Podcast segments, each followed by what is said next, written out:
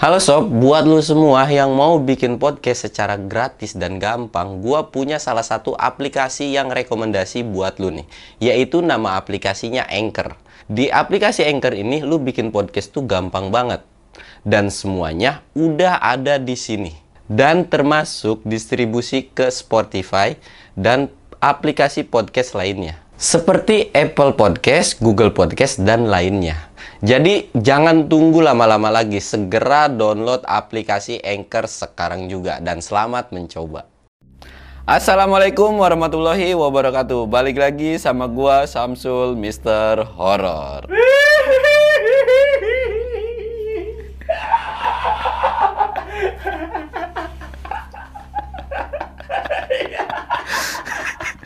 Anjing. Aduh. Aduh random banget ini. Tapi nggak apa-apa. Lu wajib support gua. Biar kalau misalkan penonton gua banyak dan lain-lain gitu kan, ya penonton gua juga bakalan semangat gitu kan. Nah, pada kesempatan kali ini tuh gue bakal nyeritain seputaran pendakian gunung lagi nih. Dan gunungnya ini tuh gue nggak bisa kasih tahu. Yang pastinya ada kejadian gancet. Jadi uh, ada satu cerita dan cerita ini tuh nggak begitu terlalu terlalu diekspos sama orang karena ya bisa menimbulkan skandal dan kejadiannya itu bener-bener real kata orangnya gitu. gitu. Dan buat lu semua yang mau support channel gue jangan lupa subscribe, like dan komen dan jangan lupa nyalain lonceng notifikasi yang ada di atas ini nih biar lu nggak ketinggalan sama cerita-cerita gue selanjutnya. Dan gak usah banyak bacot lagi, kita langsung aja mulai ke segmen dongeng horor. Dongeng horor dimulai.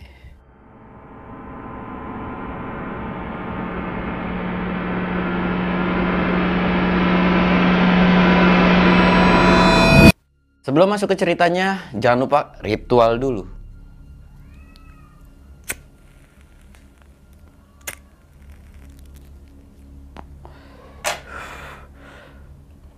Dan jangan lupa juga minum jele kolagen nih. Buat lo semua yang suka sama minuman seger-seger atau banyak mengandung vitamin C, lu bisa beli jele kolagen. Jele kolagen ini tersedia adanya di semua Indomaret, termasuk Indomaret yang ada dekat di rumah lu juga nih. Dan rasanya itu benar-benar seger sih. Apalagi sekarang lagi musim panas gitu kan. Udah pasti ya enak lah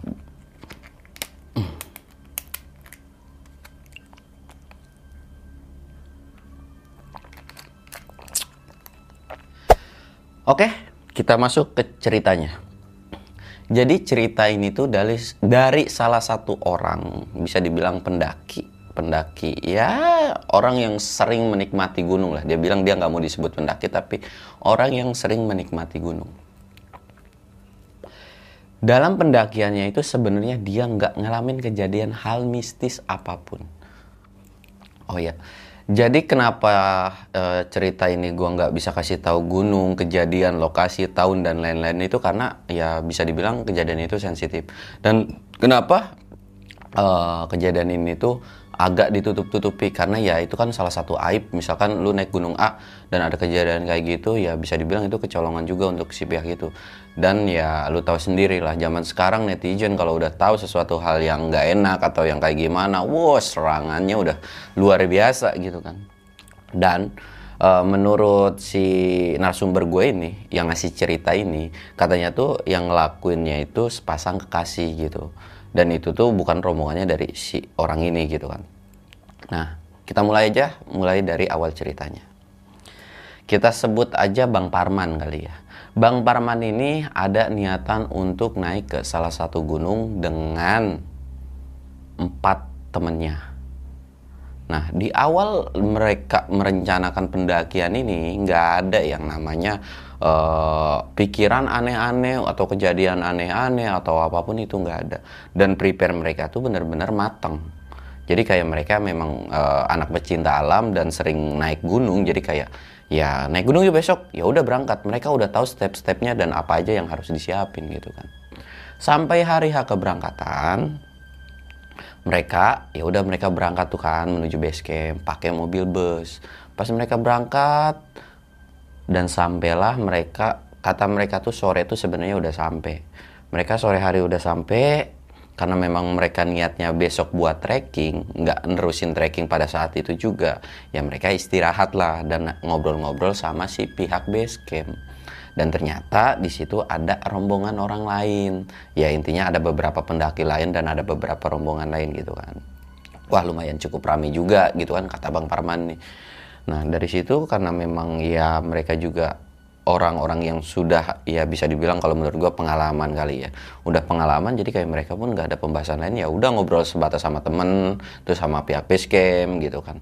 Pas lagi ngobrol-ngobrol kayak gitu tiba-tiba ada beberapa pendaki yang nyapa gitu kan. Ya ngobrol-ngobrol lah gitu kan. Ada kan tipikal orang pendaki ya nyapa ramah banget gitu kan. Ngobrol-ngobrol-ngobrol dan pas sudah ngobrol kayak gitu dan nggak ada bener-bener nggak ada kejadian apa kata apa apa kata bang Parman tuh. Mereka udah mulai memasuki malam akhirnya kelompoknya Bang Parman ini cobalah buat tidur gitu kan. Pas lagi tidur uh, Bang Parman tuh kayak mimpi uh, mendingan kayak intinya dalam mimpi itu kata Bang Parman mendingan lu cancel aja pendakian lu gitu. Yang intinya ngasih tahu kayak gitu.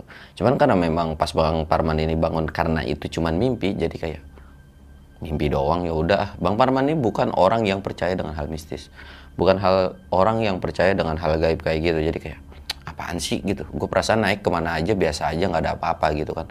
Akhirnya dia ngelanjutin tidur sampai pagi. Ketika udah pagi mereka bangun dan bangun ngopi gitu kan karena memang mereka pendaki santai. Karena dari timnya bang Parman ini nggak ada komplain apa-apa ya udah jalan uh, nyantai kan nyantai lah tapi walaupun timnya bang Parman ini tipikal pendaki yang santai Bang Parman ini kayak sempet selintas gitu kayak selewat lu tahu kan kayak orang uh, mimpi yang semalam tuh kayak ke keinget gitu jadi kayak kepikiran. Dalam hatinya tuh lanjut nggak ya? Kok gua agak-agak ngeri juga dia bilang ya tumben-tumbenan nih perasaan dia tuh. Tapi ah nggak ada apa-apa. Gue naik sama tim yang biasa gue naik sama tim orang-orang barbar dia bilang gue naik sama tim yang memang uh, enak gitu kan. Ah nggak apa-apa kali ya akhirnya ketika udah jam 10 bahkan udah lewat dari jam 12 mereka baru mutusin buat trekking mereka baru buat mutusin buat trekking kan. Mereka mutusin buat trekking ya udah jalan tuh kan. Dan dari situ juga kemungkinan kata Bang Barman itu ke timnya tuh ngomong e, kita kayaknya bakalan kemalaman di trek bisa dibilang ya kita sampai area camp itu bakalan kemalaman gitu kan dan temennya nggak ada ada nggak ada yang namanya komplain atau ya udah santai kayak sama, sama siapa aja gitu kan kata si temennya tuh. Bang Parman mulailah trekking itu sekitar jam satuan katanya. Bang Parman trekking sama timnya pos satu. Pos demi pos itu benar-benar dilewatin nggak ada kendala apa pun mereka kayak bercanda-bercanda, ngopi, ngomong sana sini, bercanda aneh-aneh. Pokoknya bercandanya bener-bener nggak kayak biasanya. Intinya ya bercandaan dari timnya ya kayak gitu gitu kan. Sampai akhirnya pas udah ngelewati maghrib, hampir mau isya kata Bang Parman tuh, mereka sampailah di area camp. Ketika sampai di area camp, Uh, jadi kan di situ ada beberapa tenda. Sebenarnya nggak terlalu banyak. Jadi kayak ada beberapa tenda. Cuman agak kepisah, mungkin beda rombongan. Tapi ada satu tenda yang agak misah dikit. Jadi kayak misalkan satu blok, satu blok. Nah, yang satu satu tenda ini tuh kayak misah agak menjauh dikit. Dan ketika Bang Parman sampai, itu tuh semua orang atau bisa dibilang uh, para pendaki itu lagi kondisi pada masak-masak dan ada di luar gitu kan. Jadi kayak kelihatan. Cuman ada satu gerakan yang aneh dari si tenda ujung ini. Ketika ngelihat Bang Parman, si orang ini tuh kayak langsung masuk ke dalam dan ke kedengeran banget sama beberapa orang. Kayak nyebut astagfirullahaladzim, kayak ngomong kayak gitu. Si orang ini masuk. Ya Bang Parman kan nggak terlalu ngeh ya mungkin dia kenapa kenapa gitu dan orang lain pun nggak ada yang ngeh dengan dia ngomong uh, istighfar gitu kan ya mungkin orangnya suka zikir gitu kan pas dari situ ya udah uh, timnya Bang Parman ini ngediriin lah tenda. Setelah ngedirin tenda uh, Bang Parman uh, timnya tuh ngebagi. Ada yang masak ada yang beres-beres gitu kan. Ada yang sambil ngelucu ada yang ya pokoknya ini macam-macam lah. Pada saat itu kondisi lagi cerah dan semua pendaki juga lagi happy dengan timnya masing-masing gitu kan setelah masak mereka makan dan setelah makan mereka mulailah ngobrol-ngobrol berlima nih. Mereka ngobrol-ngobrol berlima, cuman ada satu dari tim Bang Parman nih eh gue mau uh, ke tenda lain dulu ya dia bilang. Karena memang si temennya ini tuh suka uh, bisa dibilang suka main lah ke tenda orang gitu kan. Ya udah silakan kalau mau main mah kata dia. Cuman jangan lama-lama sini juga tim lu nih uh, butuh lu gitu. Dalam arti ya udah kita sharing-sharing aja gitu kan nah setelah uh, intinya dalam obrolan itu dan pada saat itu pun gak ada kejadian apa-apa makin lama kan makin malam nih. Makin lama makin malam dan temennya Bang Parman juga udah sehe sama beberapa pendaki dan akhirnya pas udah uh, bosen juga sih temennya kan mulai masuk ke rombongannya lagi kan. Mulailah mereka obrolan gitu. Itu tuh kondisinya sekitar jam 10 sampai jam 11 kata Bang Parman. Dalam obrolan kayak gitu Bang Parman tuh uh, sebenarnya nggak Bang Parmannya doang. Jadi kayak beberapa timnya itu kayak ngedenger. Dan lu tahu ngedenger suara apa? Bukan ngedenger suara kuntilanak bukan ngedenger suara ketawa bukan ngedenger suara setan. Tapi kayak suara apa ya? Jadi kayak suara cewek kayak udah nggak mau gitu. Kayak uh, kayak risih. Ngedenger orang lagi risih itu gitu. Gimana sih dari situ kan karena memang kondisinya nggak terlalu jelas kayak cuman sebatas samar kayak ke bawah angin kayak gitu kayak mereka tuh timnya Bang Parman tuh kayak sempet ngeh dalam sa, sa, apa kayak berhenti sebentar kayak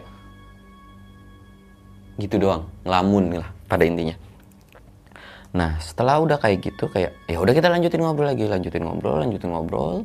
Mulai memasuki tengah malam timnya Bang Parman udah uh, namanya masih belum tidur, tapi untuk tenda lain itu udah tidur. Ketika kayak gitu angin mulai perlahan kencang.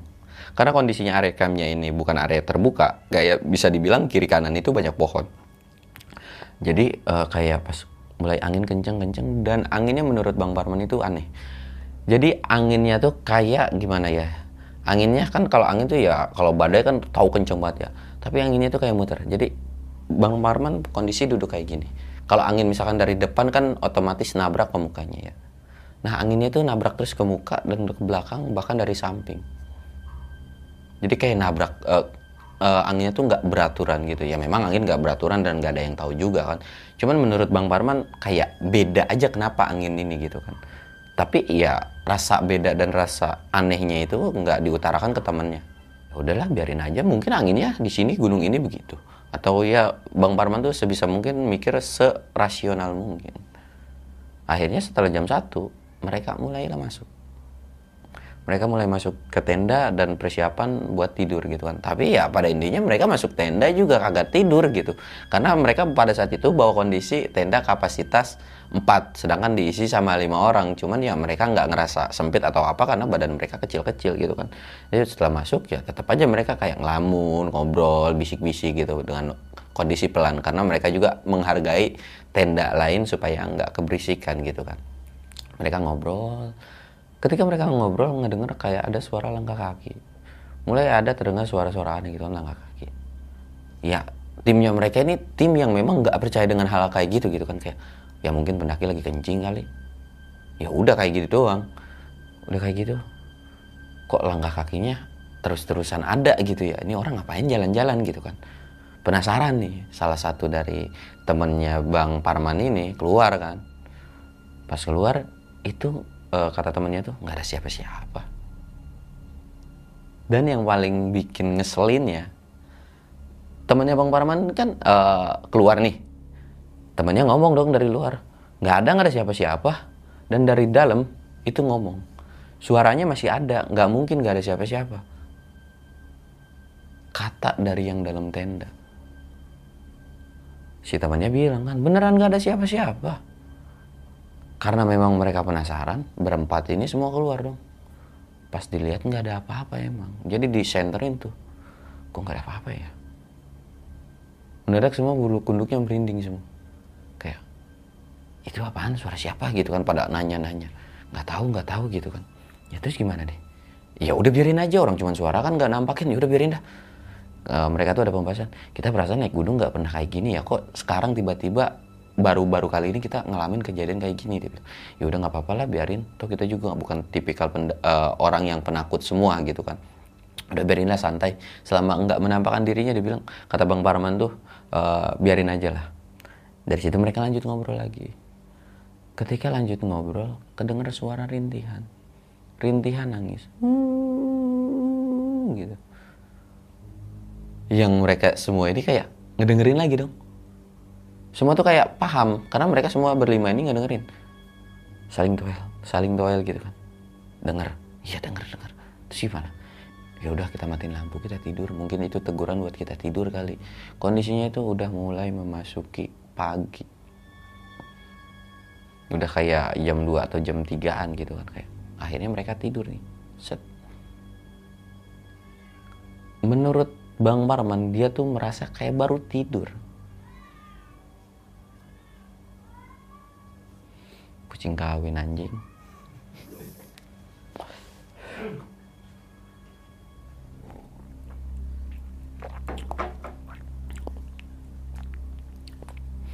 jadi kata Bang Parman tuh mereka kayak baru tidur kok tiba-tiba banyak suara berisik gitu kan.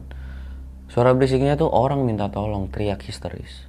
Tolong, tolong gitu. Akhirnya Bang Parman bangun sama beberapa temennya dan ada temennya juga yang masih tidur ada gitu kayak tidur kebo. Lu tahu kan tipikal orang tidur kebo. Mau kata ada gempa bumi juga itu orang gak bakal bangun-bangun kalau udah wayahnya ngantuk gitu kan. Hama beberapa temennya gitu kan bangun. Pas lagi bangun tuh Bang Parman nggak langsung fokus ke arah sumber suara atau yang minta tolong ini jadi kayak saling lirik ke, ke temennya dia bilang ini kayak semalam bukan ya dia bilang kayak ada suara rintihan gitu kan ya udah dengerin dulu. Jadi nggak yang langsung recep minta tolong gitu kan. Antisipasi takut uh, aneh-aneh gitu kan. Tolong tolong. Dan kedengeran suara beberapa dari ribut-ribut dari pendaki lain juga mulai keluar gerasak gerusuk gitu kan kedengeran. Wah enggak nih ada yang minta tolong. Keluar yuk keluar yuk. Keluar kan Set, keluar. Pas lagi keluar ternyata ada satu tenda lagi dikerubutin sama beberapa pendaki. Bang Parman kepo dong gitu kan. Akhirnya uh, ada temennya tuh kayak mau nyamperin cuman nggak Bang Parman bilang udah lu di dalam tenda aja biar gua aja. Kalau memang gua bisa bantu atau tim kita bisa bantu ya udah kita bantu. Kalau memang enggak ya udah. Itu juga udah rame kita uh, tim yang memang paling belakangan gitu kan. Jadi ya mungkin udah ditolongin gue cuman pengen mastiin doang kenapa gitu kata Bang Parman tuh. Bang Parman masuk ke tenda coba dong nanya ke orang pendaki yang di sebelah ini kata si orang sebelah ini uh, pendaki lain tuh kenapa bang kenapa bang jadi si orang itu katanya sih gancet bang bang Parman langsung bengong dong kayak gancet. Iya bang gancet. Nanya lagi iya bang gancet gancet gitu kan. Lah terus gimana? Nggak tahu itu lagi dicek sama apa sama si ada satu orang gitu satu orang di dalam. Serius gitu kan. Iya nggak tahu juga sih bang cuman katanya gancet gancet gitu kan. Dan uh, si orang itu belum keluar. Pengalaman juga nungguin kan di luar kayak ya udah nyantai kan ada satu orang keluar dari dalam uh, dari dalam tenda dan kayak dia cuman nunduk doang begitu. Cuman gitu doang sih satu orang itu tuh. Uh, bang Parman ini kan uh, jadi kayak kepo dong kenapa nih orang kagak ngomong kagak apa kayak nyuruh ke timnya udah yuk balik ke, ke tenda aja. Dan nyuruh udah pak nggak apa-apa bubar aja. Bang Parman penasaran dong kayak narik kenapa ya bang? Dan kebenarannya si satu orang ini tuh kayak pernah ketemu papasan sama si bang Parman ini kan. Kayak oh lu bang. Itu kenapa? Ya udah bang kita ke tenda masing-masing aja dulu gitu kan. Kita ke tenda masing-masing aja dulu. Pas udah masuk ke tenda masing-masing dan lain-lain. Akhirnya uh, kayak yang lain tuh uh, di cerita itu nggak apa-apa kok. Dia cuma ABC gini-gini doang gitu kan. Nggak yang diomongin yang terlalu barbar gitu. Nggak dikasih tahu kronologi kejadian itu kayak gimana. Karena Bang Parman ini udah mulai kenal sama si orang ini yang masuk ke tenda jadi kayak melipir dan si orang ini tuh ya bisa dibilang kayak percaya banget sama Bang Parman ini. Gue nggak tahu lah uh, pernah ada kejadian apa sama Bang Parman. Jadi ngomong Bang itu yang di tenda ganjet dia bilang. Ah serius lu gancet dia bilang. Kata kata bang Parman gitu kan. Serius gancet? Iya bang gancet. Lu tahu dari mana gancet? Kondisinya begini bang. Gitu kan. Wah masa sih? Iya bang. Ya udah gue mau lihat ditarik kan sama si orang ini. Tarik dulu bang. Jangan. Kenapa? Kalau misalnya ditarik ini orang pasti bakal dibully dan lain-lain. Bakal kalau takutnya kesebar sama teman-teman gue atau orang lain itu bakalan jadi tau intinya cibiran orang atau iya tahu sendiri lah mulut orang gitu kan. Terus gimana? Ya nggak gimana. Gimana sih bang? Gue sih belum mikir apa-apa dia bilang. Gue juga bingung justru. Apalagi gue kondisinya sekarang bawa orang juga terus ada beberapa juga yang kayak gitu. Terus itu yang di dalam gimana? Ya udah gue omongin udah lu diem diem aja. Lu kalau mau makan nanti gue gue anterin gitu kan. Dari situ uh, bang Parman tuh lah terus gimana ya? Ya udah kita rundingin aja deh bang. Gue minta tolong sama lu kata si orang ini gitu kan. Kata si orang ini tuh ya udah nanti gampang deh. Ya udah yang penting kita keep dulu. Dan tindakan menurut bang Parman itu satu hal yang benar gitu kan uh, karena sebelumnya pun udah dicek kayak mulai dari kesehatannya selain gancetnya ya maksudnya uh, kesurupan kah demam kah dan lain-lain gitu.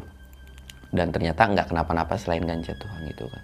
Dan kondisi si orang dua berdua ini itu kondisi dalam muka ketakutan. Bisa dibilang kayak pengen pulang pengen pulang ya nggak tahu karena udah kejadian kayak gitu atau gimana. Uh, intinya dia pengen pulang cuman dikasih tahu lu kalau mau nurut sama gua jangan aneh-aneh atau lu nurut insya Allah lu bisa pulang gitu. Maksudnya biar lu juga nggak dihujat sama orang nantinya dan ya udah lu pokoknya tungguin sampai ada apa-apa dari gua kata si orang itu kan gitu.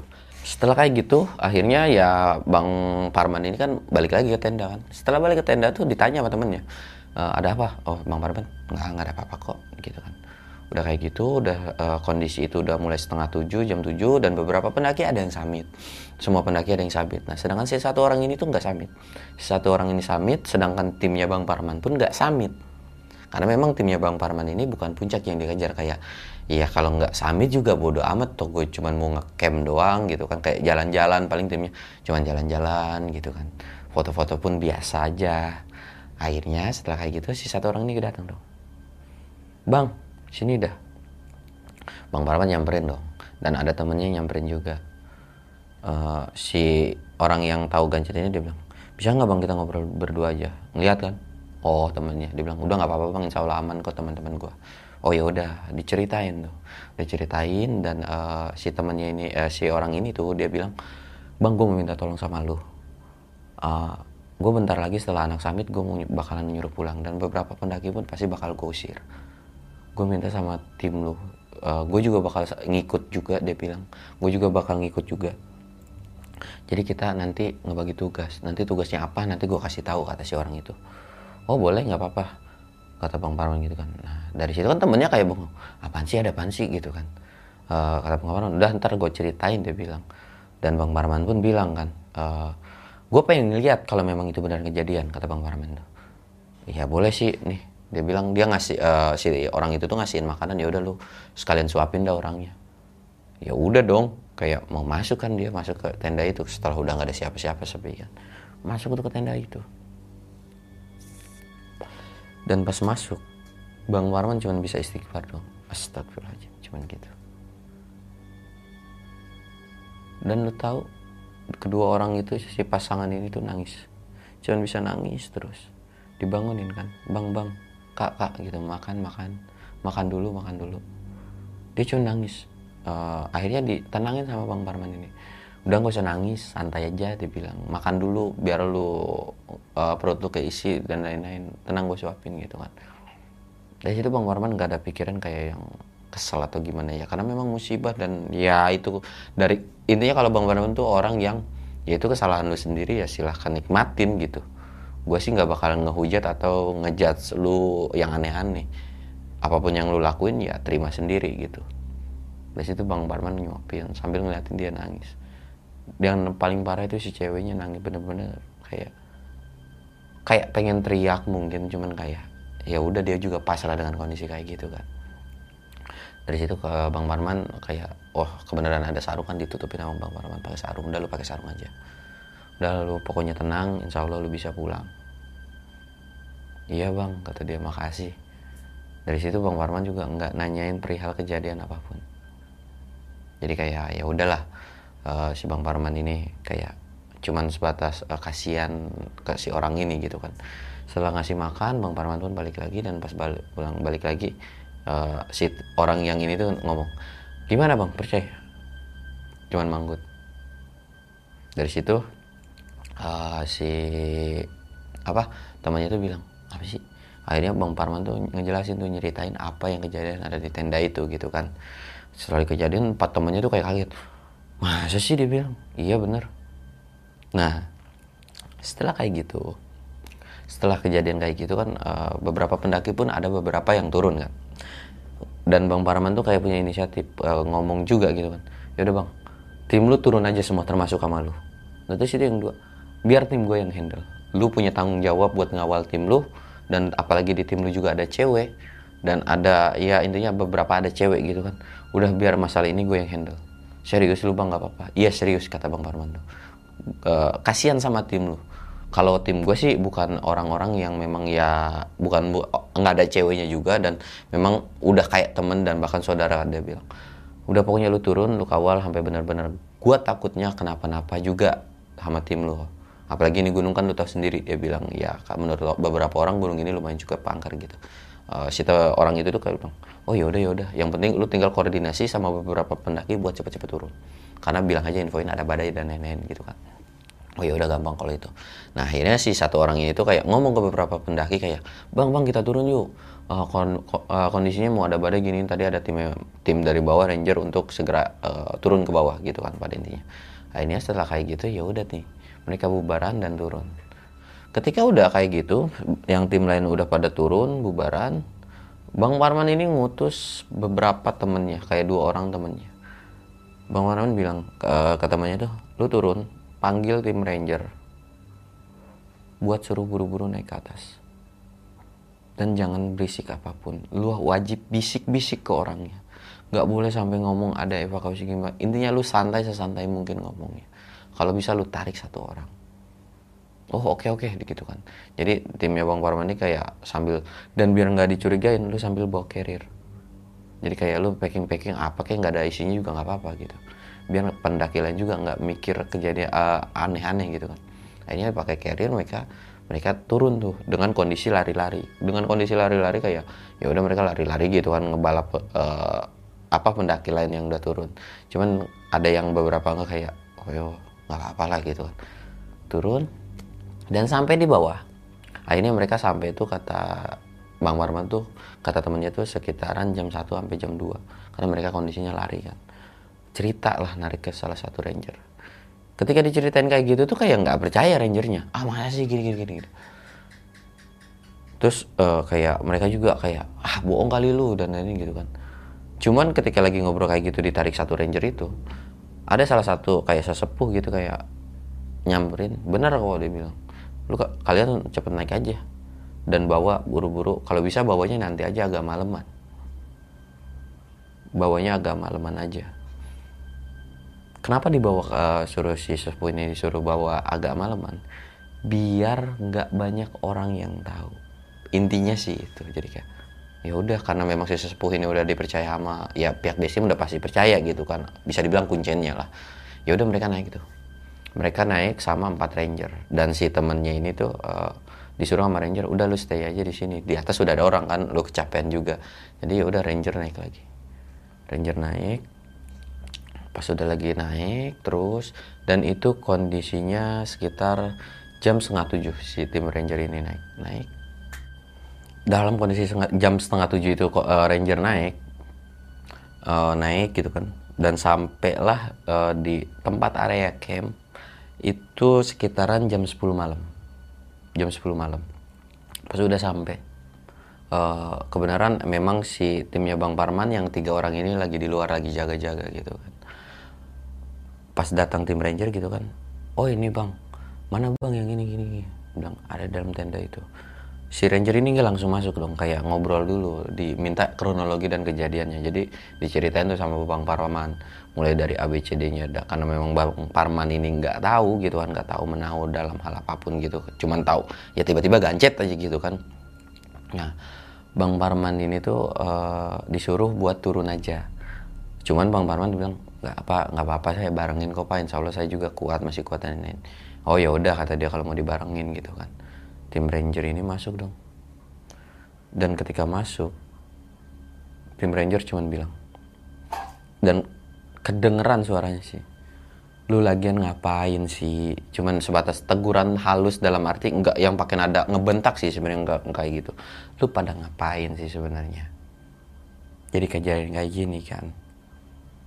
Yang di dalam cuma nangis-nangis doang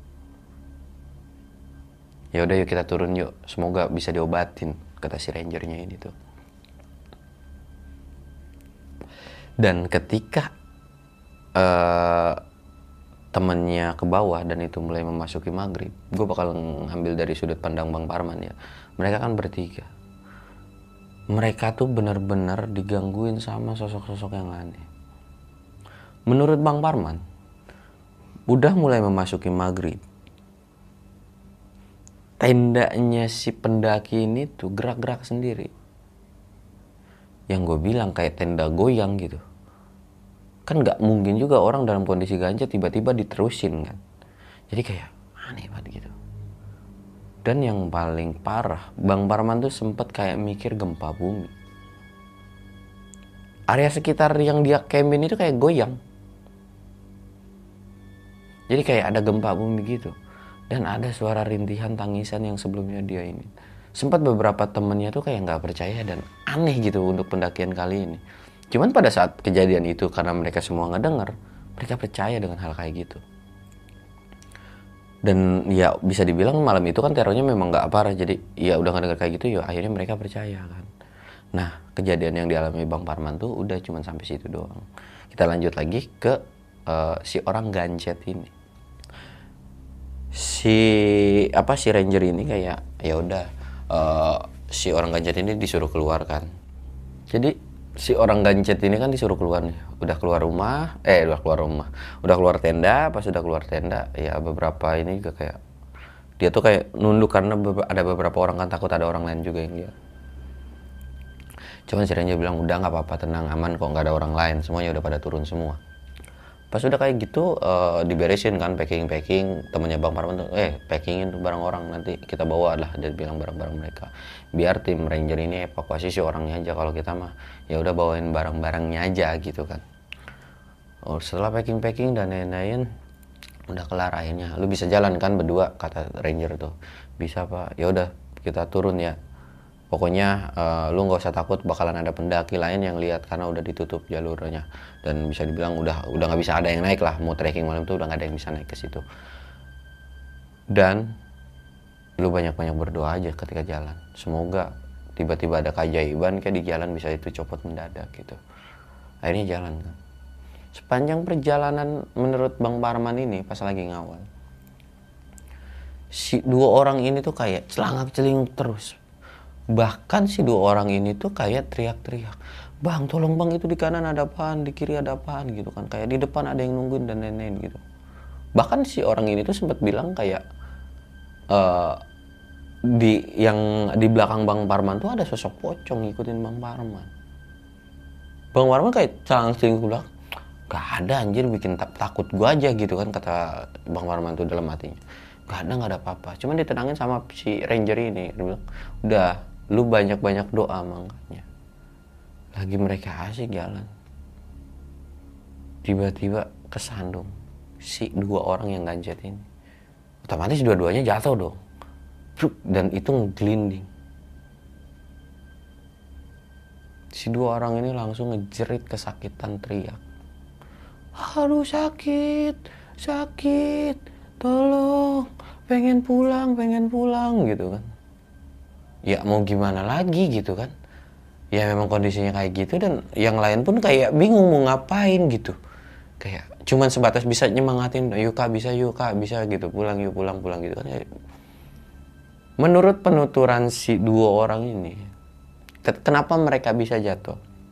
Mereka uh, lagi jalan itu ada yang ngalangin kayak bentukan tangan kayak ngalangin. Jadi kayak mau ngehindar tapi tangannya itu kayak ngikutin terus jadi mereka kesandung gitu dan itu jalannya tuh lama. Lu tahu sampai area mereka ke pos itu masih belum melewat apa belum sampai pintu rimba sampai di pertengahan pos.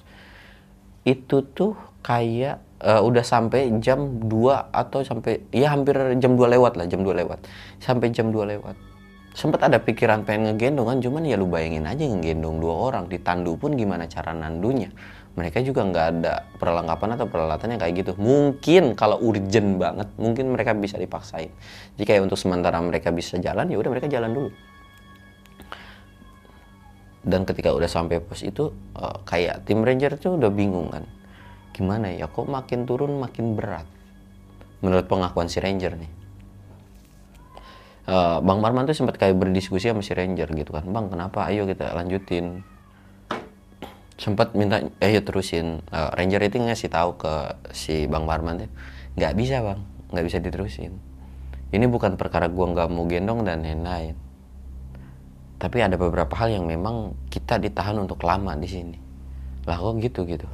Uh, si ranger ini tuh kayak ngasih tahu ya memang bukan ranahnya atau dalam arti ya bingung juga gitu kayak ranger. Ya intinya nggak bisa.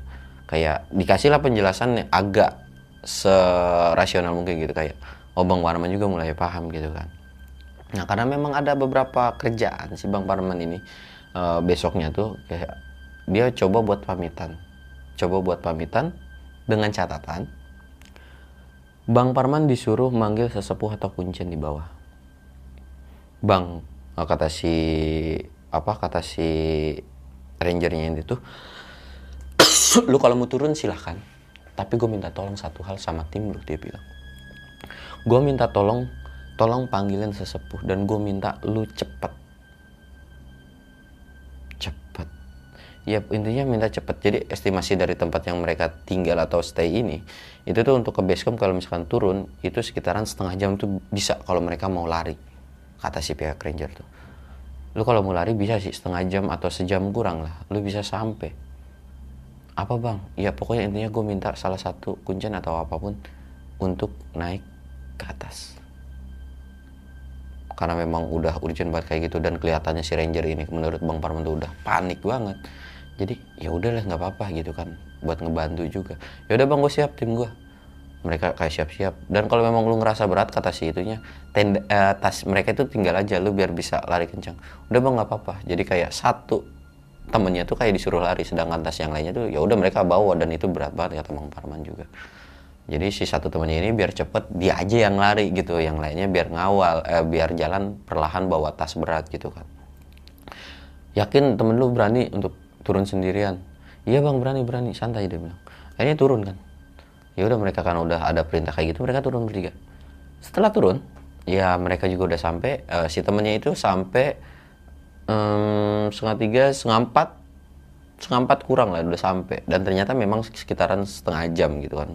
Diceritain ke sesepuh dan sesepuh itu naik dan ketemu sama papasan sama temen sama, sama bang Parman ini dan satu temennya. Ketika naik itu sekitar si kunci itu papasan sama Bang Parman tuh sekitaran jam 4 cuman ada yang aneh nih. Kata Bang Parman tuh jadi pas si kuncen itu lewat atau sesepuh itu lewat si sesepuh itu cuman ngusap pala nggak tahu gimana ngusap pala gini. Begitu udah lu turun bisa. Cuman gitu dong. Nanya dong. Ya bisa lah pak. Saya udah biasa. Iya saya tahu. Gituin kan. Kayak kuncian ini nggak nggak banyak tanya lagi dan terusin buat ke atas. Tapi bang Parman kan nggak terlalu nggak kayak ya udah kayak gitu ya jalan lagi ada rasa penasaran buat nengok nengok dong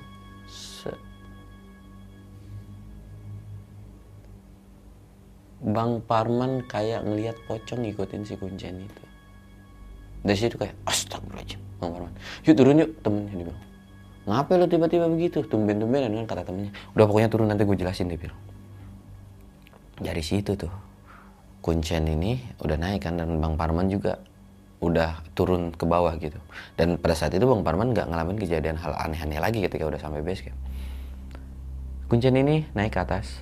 Setelah datang Kuncen, kuncen ini langsung uh, kita ngambil dari sudut pandang si tim ranger gitu ya jadi si kuncen ini udah sampai atas dan pas udah sampai ke area yang mereka istirahat itu kuncen ini cuma bilang dan nggak banyak bahasa basa basi lagi waktu lu bentar lagi ngomong ke si yang ganjat ini waktu lu sebentar lagi lu nggak perlu nangis lu nggak perlu uh, apa-apa. Lu cuma cukup kalau memang lu mau berubah atau lu mengakui kesalahan lu dan lu mau menuhin persyaratan lu lu nggak bakalan kenapa-napa sampai matahari eh, kata si kuncen sampai dia bilang sampai siang lu masih kayak gini itu lu bakalan resikonya dibilang bakalan ya diamputasi atau nggak bisa lepas sendiri gitu kan si orang itu cuma bilang iya apa pun persyaratannya yang penting gue bisa keluar uh, keluar dari gancet ini. Dia bilang iya dia bakal lakuin. Dan gue nggak bisa kasih tahu ya persyaratannya apa. Karena ya uh, menurut si yang ngasih cerita ini tuh benar-benar nggak boleh disebutin gitu. Jadi setelah kayak gitu dan menurut si ranger ketika mau kayak ada satu ritual atau apa pun lah gue agak tahu gitu kan mau ngelakuin sesuatu itu cobaannya banyak banget semua yang ada di situ ngelihat penampakan aneh-aneh. Bahkan ada yang teriak-teriak. Kayak ngomel-ngomelin lu nggak usah bantuin dia. Itu udah jadi milik gue dan ini bocah intinya udah parah banget. Udah ngelakuin suatu langgaran yang namanya etika atau di gunung gitu kan. Ya intinya ya secara itu iya benar tapi kan uh, dia ini manusia yang harus ditolong dan lain-lain gitu kan kata si kuncian tuh. Udah pokoknya gue minta nggak mau tahu menurut si ranger ini gue nggak mau tahu tolong nggak usah macam-macam atau ngelakuin hal aneh-aneh sama mereka berdua. Dari situ kuncian ini cuman sebisa mungkin baca doa pas lagi baca doa dan mendadak itu ada kepala ngeglinding dari atas.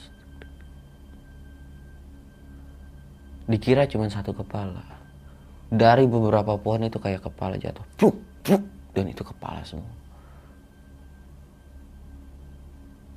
Ranger aja yang udah biasa ngelihat menurut dia ngelihat kayak gitu itu panik pada saat itu. Sempat kayak ini gimana bah ini gimana? gitu. Ini kenapa jadi makin parah kayak gini? gitu kan. Si, si sesepuh ini cuma bilang udah nggak apa-apa kita banyakin doa aja.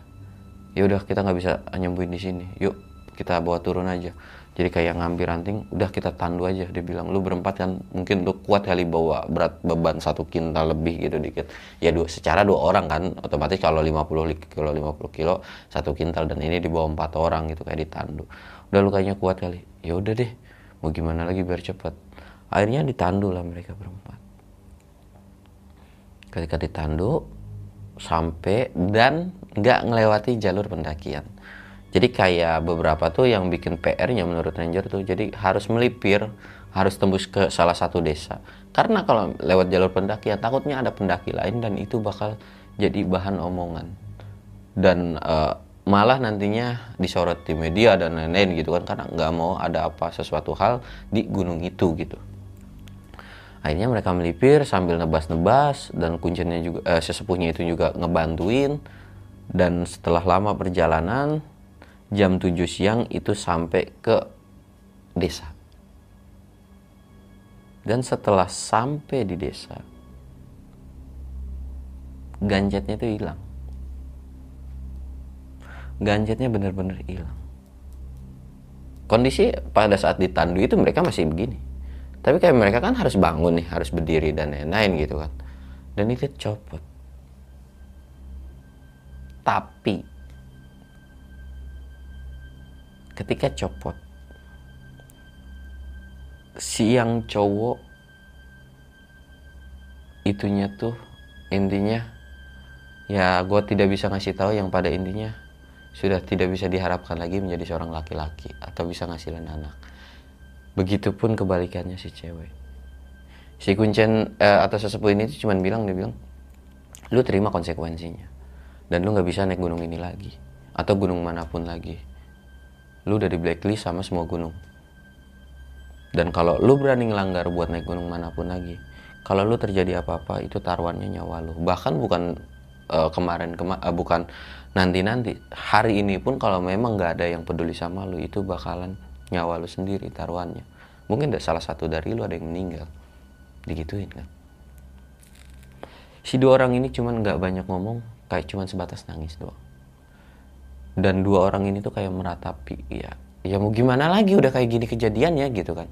Kayak ya udah pasrah walaupun nggak bisa diterima pada saat itu menurut mereka berdua juga. Ya mereka mau nggak mau harus memang harus terima gitu kan.